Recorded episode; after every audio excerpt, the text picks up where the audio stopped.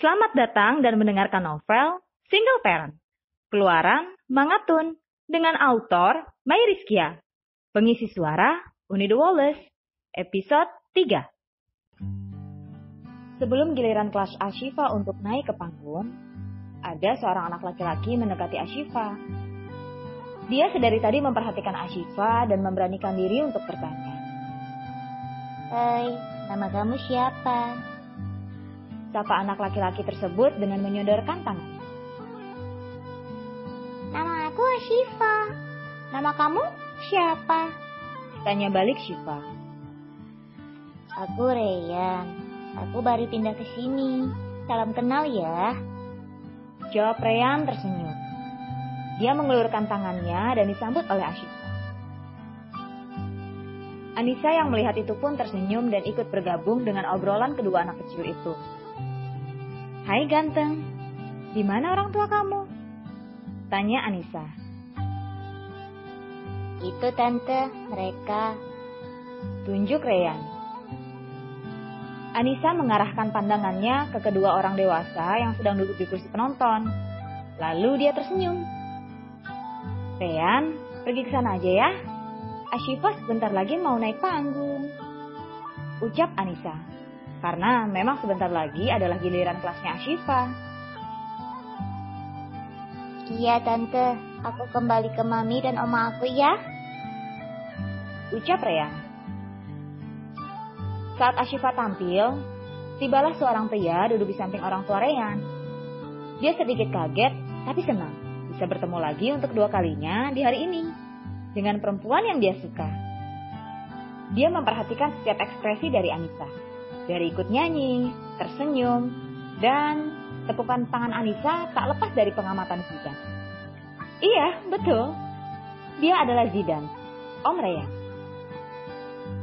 Dia datang ke sekolah anak itu karena dia sudah terlanjur janji dengan keponakannya untuk melihat tampilannya.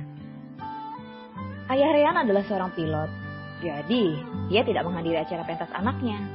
Dan sebagai gantinya, omnya lah yang diminta untuk menghadiri. Zidan sangat senang, karena sekali dayung, dua tiga pulau terlampaui. Di satu sisi bisa menghadiri acara keponakan tersayangnya, dan juga bisa bertemu dengan sang pujaan hati. Setelah acara peta seni sekolah sang buah hati, mereka melanjutkan jalan-jalan ke mall sekaligus menepati janji yang tadi. Kali ini tidak dengan neneknya, karena neneknya sudah diantar pulang dikarenakan ada keperluan mendesak. Jadilah mereka hanya berdua saja. Bunda, aku mau yang strawberry sama coklat. Ucap Shiva semangat. Boleh saja, asalkan makan nasi dulu ya. Ini sudah lewat jam makan siang soalnya. Habis itu kita beli es krim, oke? Okay? Jawab Anissa. Oke okay, bunda. Ucap Shiva. Setelah mengatakan itu, mereka menuju ke tempat makan cepat saji untuk makan siang. Makan siang mereka diwarnai candaan dan celoteh dari Ashifa. Dari arah pintu datanglah seorang anak kecil yang menghampiri meja mereka. Ashifa, kamu di sini juga? Tanya Reyan senang. Ashifa hanya mengangguk karena dia sedang mengunyah makanannya. Kamu sama siapa ke sini sayang?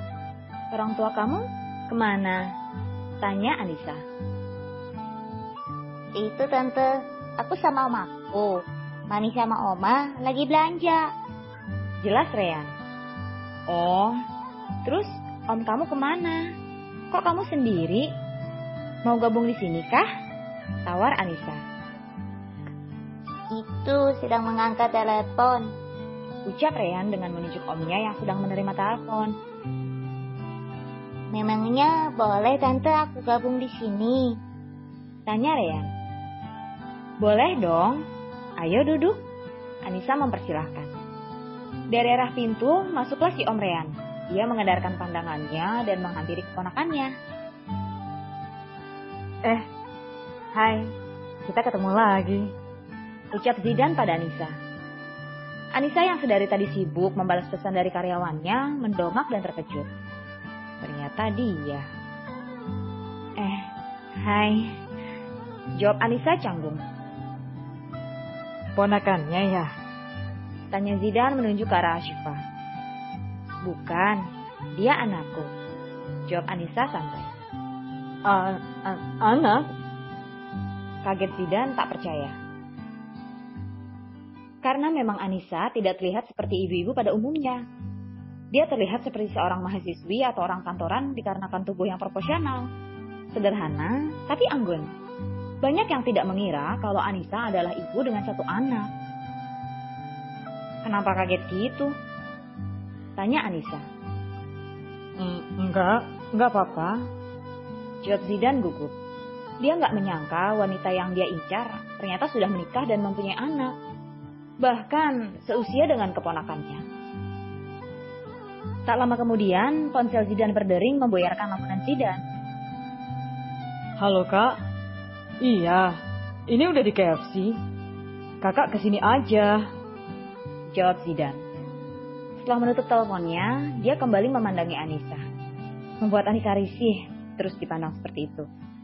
Tidak lama kemudian, kakak Zidan datang dengan mamanya. Ryan yang melihat maminya berseru memanggil. Mami!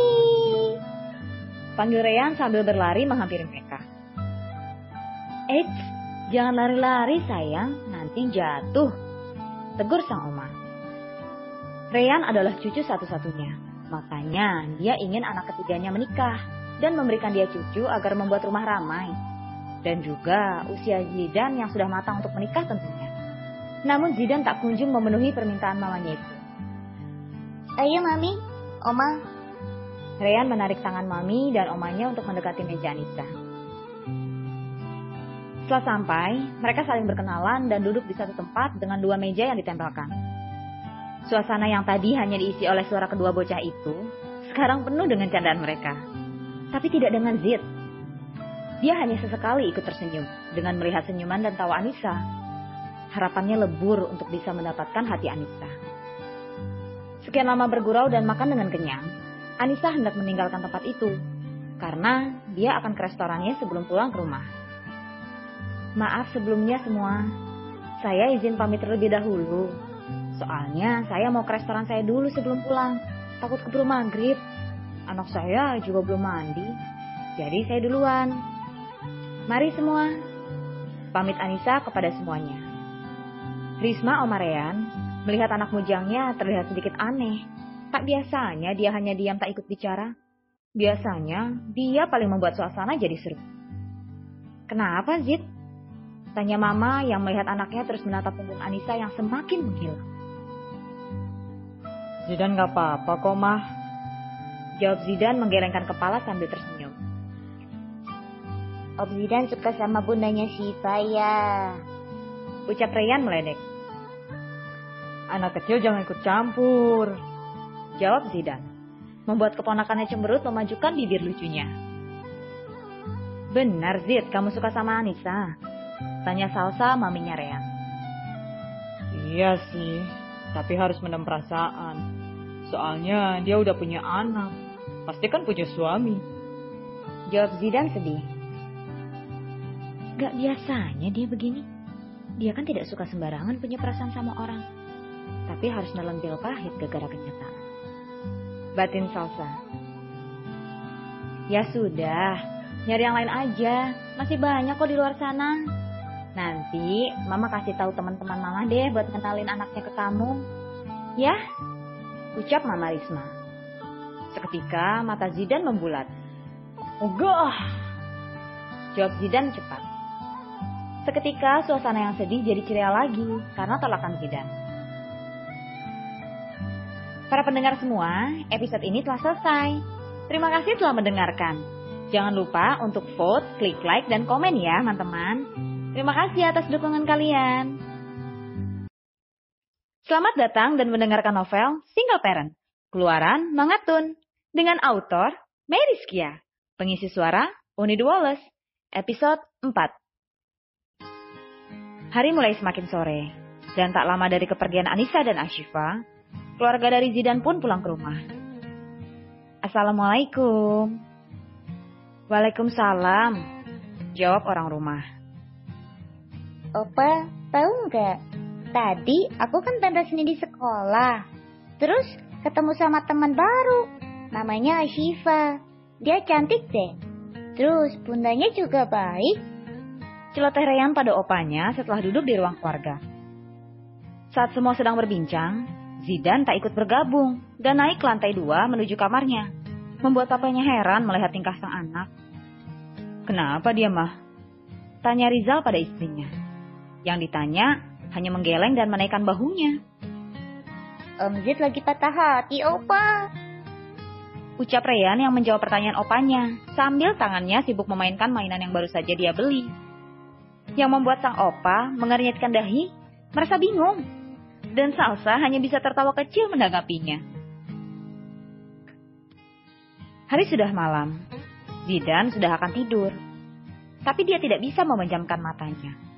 Dia masih saja kepikiran dan penasaran dengan wanita itu. Kenapa jadi kalau begini sih? Gumam Zidan pada dirinya sendiri. Oh, kenapa juga kau harus suka sama istri orang? Udah kayak bebinar banget dah. Rutuk Zidan. Dia berkali-kali menghembuskan nafas kasar, meredam gejolak di hatinya. Seharusnya aku nggak boleh mikirin dia. Tapi kok aku penasaran banget ya. Gumam Zidan bingung dengan menatap langit-langit kamarnya hingga akhirnya terlelap. Di sisi lain, Anissa yang sedang duduk di gazebo tepi kolam termenung mengingat ucapan salah satu wali murid yang menghampirinya waktu siang tadi. Bayang-bayang sang mantan masih saja menghantui dirinya sampai sekarang. Anissa memejamkan mata dan merebahkan tubuhnya. Tak terasa air mata mengalir dari ujung matanya. Dia membuka matanya lagi dan tersenyum getir. Cukup sekali, gak akan lagi. Gumam Anissa lirih. Tak lama kemudian ada yang menepuk bahunya pelan. Anissa tak kaget karena dia tahu siapa. Buru-buru dia mengusap air mata yang sempat jatuh dan tersenyum. Ada apa? Tanya ibunya. Gak apa-apa bu, cuma capek aja. Oh iya, Syifa udah tidur bu. Tanya Anissa mengalihkan. Sudah, kalau ada masalah, bilang sama ibu. Jangan dipendam sendiri.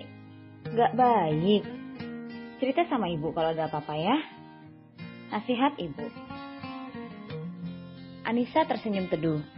Dia sangat beruntung memiliki ibu yang selalu mendukung dan anak yang selalu mendampingi dan menjadi semangatnya.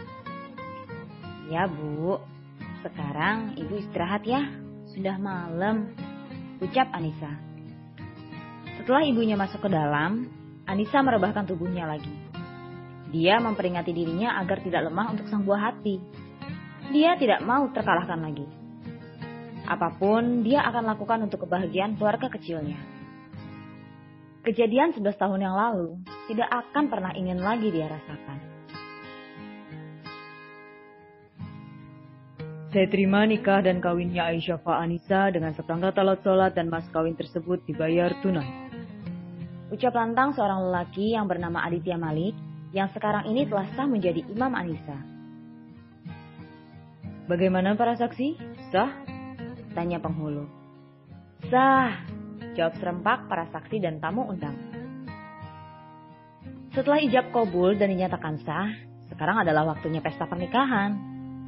Para tamu undangan sedang menikmati acara resepsi pernikahan mereka. Tapi, ada satu perempuan datang mencuri perhatian banyak pasang mata. Hampir semua undangan melihat kedatangan perempuan itu, tak terkecuali sang pengantin. Aditya melihatnya dengan senang, tapi tidak dengan Anissa. Dia hanya biasa saja, tapi juga heran, karena dia tidak merasa mengundang perempuan cantik ini. Apa suaminya kah yang mengundangnya? Tanyanya dalam hati. Perempuan itu berjalan dengan anggun menghampiri pelaminan. Dia menghampiri sang pengantin memberi selamat atas pernikahannya. Saat menghampiri mempelai pria, dia memeluknya dengan mesra dan mengucapkan selamat seakan tak peduli dengan sekitar. Dia juga menghampiri Anissa, memeluknya dan berbisik. Selamat atas pernikahan kalian. Tapi kamu jangan senang dulu. Ini baru awal. Aku akan membuat kamu seperti dalam neraka karena pernikahan ini. Perempuan itu berbisik dan tersenyum licik. Anissa bingung dengan apa yang dia bisikkan. Apa salahnya dengan pernikahan ini? Anissa menatap perempuan itu bingung. Seakan tahu kebingungan sang istri, Aditya memperkenalkan perempuan itu. Sayang, ini Yasmin, teman aku waktu kuliah di Australia. Yasmin ini baru datang, dan aku mengundangnya ke acara pernikahan kita. Aditya menjelaskan. Yasmin. Dia memperkenalkan diri dan mengulurkan tangannya. Anissa. Jawab Anissa dengan menyambut uluran tangan Yasmin dan tersenyum. Oh ya Yas, makasih ya sudah mau datang ke pernikahan kita. Rencananya mau berapa lama di sini? Tanya Aditya. Rencananya sih aku mau menetap di sini. Soalnya aku udah dapat kerjaan. Jawab Yasmin. Dan aku akan menghancurkan pernikahan kalian. Batin Yasmin melanjutkan. Setelah acara selesai, para tamu silih berganti pulang ke rumah masing-masing. Dua bulan usia pernikahan Anissa dan Aditya berjalan dengan bahagia seperti pengantin baru pada umumnya. Mas, kamu nanti pulang jam berapa? Aku nanti mau ke rumah ibu. Boleh. Tanya Anissa saat berada di meja makan. Boleh, tapi jangan sore-sore pulangnya ya. Pokoknya aku pulang sudah ada kamu. Jawab Aditya tersenyum. Terima kasih. Jawabnya senang. Mereka melanjutkan sarapannya. Tapi tiba-tiba Anissa mual dan ingin memuntahkan isi dari perutnya. Dia buru-buru lari ke kamar mandi. Sayang,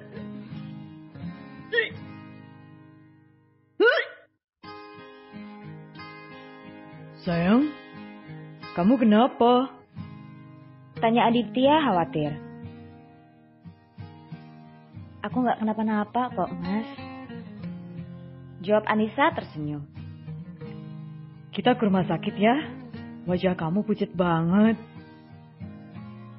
Mereka pergi ke rumah sakit. Dan seperti perkiraan, Anissa dinyatakan hamil. Alhamdulillah. Makasih sayang. Kamu akan membuat aku jadi ayah. Ucap Aditya memeluk Anissa. Iya mas, aku juga terima kasih. Kamu membuat aku jadi seorang ibu.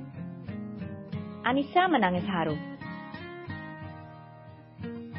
Setelah dari rumah sakit, Aditya mengantar Anissa pulang sebelum dia berangkat kembali ke kantor. Ayah berangkat kerja dulu ya sayang. Jangan nakal. Jangan buat bundamu sakit. Oke? Okay? Ucap Aditya mengusap lembut perut teratas sang istri. Anissa tersenyum haru melihat suaminya mengatakan itu. Saat di dalam mobil, ponsel Aditya berdering. Halo Yas? Jawab Aditya setelah menekan tombol on. Iya, ini aku baru mau berangkat. Bentar lagi nyampe. Hmm, boleh sih. Mau makan siang di mana? Oke, okay, nanti aku hubungi lagi ya. Bye.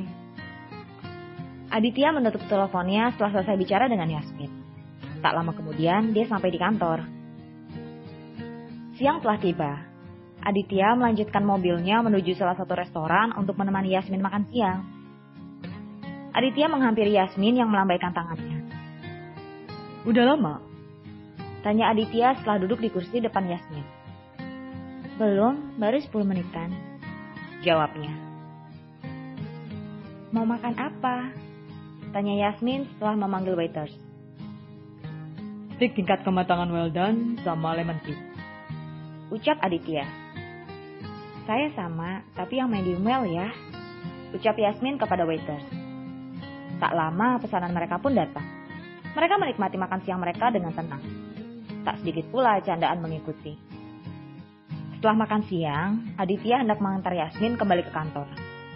Namun tiba-tiba ponsel Aditya berdering. Para pendengar semua, episode ini telah selesai. Terima kasih telah mendengarkan. Jangan lupa klik like dan komennya. Terima kasih teman-teman. Selamat datang dan mendengarkan novel Single Parent.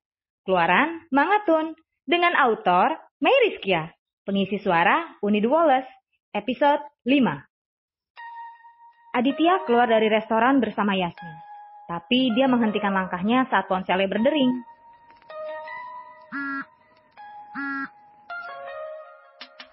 Sebentar, Yas. Iya, halo sayang. Jawab Aditya setelah mengangkat. Mas, kamu sibuk nggak? Hmm, boleh minta tolong, Kak? Hmm, aku mau kamu beliin bakso bakar yang ada di perempatan jalan yang itu loh, Mas. Tapi kamu yang beliin. Terus kamu yang anterin ke rumah. Ucap Anissa manja di seberang sana. Hmm, jadi kamu udah mulai ngidam nih. Aditya terkekeh mendengar permintaan sang istri. Ngidam? Maksudnya Anissa hamil? Batin Yasmin berbisik. Kalau begini, aku akan susah ngedapetin si Aditya kalau Anissa hamil anaknya. Aku harus lakukan sesuatu nih. Batin Yasmin menjerit. Yasmin, aku nggak jadi nganterin ke kantor kamu, nggak apa-apa kan? Tanya Aditya setelah menutup panggilan dari Anissa. Anissa lagi ngidam ya? Tanya Yasmin. iya, dia lagi ngidam. Jawab Aditya menggaruk kepalanya yang tak gatal. Ya udah, kamu beliin yang dia mau gih. Ntar anak kamu ileran loh kalau nggak keturutan. Jawab Yasmin tersenyum palsu. Aditya pun meninggalkan Yasmin untuk membeli pesanannya Anissa. Setelah membeli pesanan Anissa, Aditya melanjutkan kendaraannya menuju rumah. Assalamualaikum. Waalaikumsalam. Jawab Anissa dari dalam kamar. Wah, ayah bawain pesanan kamu, dek. Monolog Anissa mengelus perutnya sayang. Membuat Aditya terkekeh. Sebenarnya yang ngidam dede bayi apa bundanya ya? Tanya Aditya tersenyum. Dua-duanya. Jawab Anissa sambil mengambil kantong plastik dari tangan Aditya dan berlalu ke meja makan. Aditya tersenyum melihat tingkah Anissa yang menurutnya begitu manis. Lima bulan sudah usia kandungan Anissa. Dia sangat bahagia menikmati masa kehamilannya. Hari-harinya penuh dengan kebahagiaan. Apalagi saat janinnya begitu aktif di dalam perutnya. Mas, aku mau pergi ke acara Yoni ya sama teman-teman aku nanti siang. Boleh nggak? Tanya Anissa. Hmm, boleh sih. Tapi aku ada meeting siang ini. Aku nggak bisa temenin kamu. Jawab Aditya. Aditya memang tidak pernah membatasi aktivitas Anissa, asalkan itu baik. Dia akan mendukung apa pun yang dilakukan Anissa. Nggak apa-apa, aku bisa jaga diri kok. Lagian kan aku nggak sendirian. Banyak teman-teman aku yang ikut jagain aku. Jelas Anissa. Baiklah, nanti aku anterin kamu ya. Mereka pun melanjutkan sarapan mereka. Setelah sarapan, Aditya berangkat ke kantor. Siang telah tiba. Aditya pulang menjemput Anissa untuk mengantar dia ke acara reuni. Anissa menunggu di depan teras. Setelah mobil Aditya sampai, Anissa langsung masuk ke mobil dan menuju ke pusat perbelanjaan tempat diadakannya acara. Nanti kalau ada apa-apa langsung kabarin aku ya. Ucap Aditya mengecup kening Anissa lembut. Iya mas, hati-hati di jalan ya. Ucap Anissa sambil mencium punggung tangan suaminya. Setelah dirasa mobil suaminya tak nampak, barulah Anissa masuk ke dalam. Tapi tak disangka, ada sepasang mata memperhatikan Anissa dari jauh. Sebentar lagi, kau tidak akan tersenyum lagi. Ucap seseorang itu dengan tangannya mengepal kuat. Acara reuni telah selesai. Anissa berniat untuk pulang setelah berpamitan dengan teman-temannya. Anissa memesan taksi. Sesaat akan memasuki taksi, dari arah belakang ada mobil yang melaju kencang sengaja menabrak tubuh Anissa. Sehingga membuat dia jatuh tersungkur dengan posisi perut membentur aspal.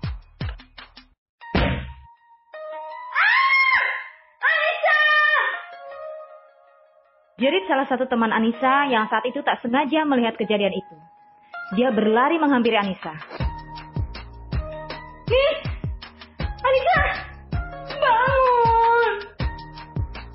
Teriak April teman Anissa sambil menepuk-nepuk pipi Anissa. Ayo mbak, kita bawa ke rumah sakit. Ucap sopir taksi. Ayo, ayo pak kita bawa. Ucap April. Supir taksi membopong tubuh Anissa ke dalam mobil untuk dibawa ke rumah sakit. Aditya sedang rapat dengan para pemegang saham. Tiba-tiba ponsel Aditya berdering. Aditya tidak mengangkatnya. Setelah beberapa kali berdering, dia mengangkat. Sebentar, saya tinggal mengangkat telepon dulu. Pamitnya. Anissa, gak biasanya sampai berkali-kali. Perasaanku jadi gak enak. Gumam Aditya. Iya, halo sayang. Sapa Aditya namun bukan suara sang istri. Apa? Istri saya kecelakaan? Seru Aditya. Saya segera ke sana. Tukasnya sebelum menutup telepon. Maaf sekali. Rapat ini saya sudah akan sampai di sini. Karena saya ada urusan mendadak. Seru Aditya pada para pemegang saham. Aditya melajukan mobilnya dengan kecepatan tinggi. Setelah sampai di rumah sakit, dia langsung lari di mana sang istri ditangani. Bagaimana dengan istri saya? Ucap Aditya pada April. Dia ada di dalam. Dokter sedang menanganinya. Jawab April. Apa yang terjadi sebenarnya? Tanyanya. Tadi Anissa mau masuk ke dalam taksi, tapi ada mobil yang melaju kencang dari arah belakang. Dan Anissa tertabrak. Jelas April. Ya Allah, kenapa bisa begini? Aditya mengusap kasar wajahnya. Sudah hampir tiga jam Anissa ditangani.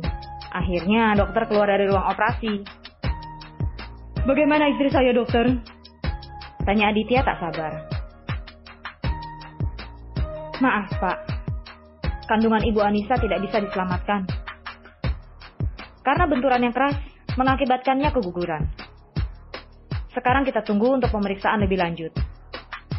Saya permisi. Ucap dokter. Aditya memundurkan tubuhnya. Dia duduk di kursi menangkup wajahnya yang frustasi. Ya Allah, kenapa bisa seperti ini? Ucapnya frustasi. Anissa membuka matanya. Dilihatnya ruangan yang serba putih dan bau obat yang menyengat. Dia mengendarkan pandangannya dan menemukan Aditya tertidur sembari duduk. Dia usap kepala suaminya dan dia beralih mengusap perutnya. Ada yang aneh dengan perutnya. Kenapa rasanya sakit? Kenapa dia tidak merasakan pergerakan buah hatinya? Sesaat dia teringat akan kecelakaan itu. Seketika air matanya meluruh deras. Anissa menangis dengan terseduh. Mendengar suara menangis, Aditya terbangun dan melihat Anissa yang sudah terseduh. Sayang, tegur Aditya. Mas, anak kita, Mas. Anak kita kenapa nggak gerak, Mas? Ucap Anissa dengan tangisan yang pilu. Sabar, sayang. Sabar. Aditya memeluk Anissa, menenangkan sang istri. Seminggu setelah dirawat, akhirnya Anissa diperbolehkan pulang.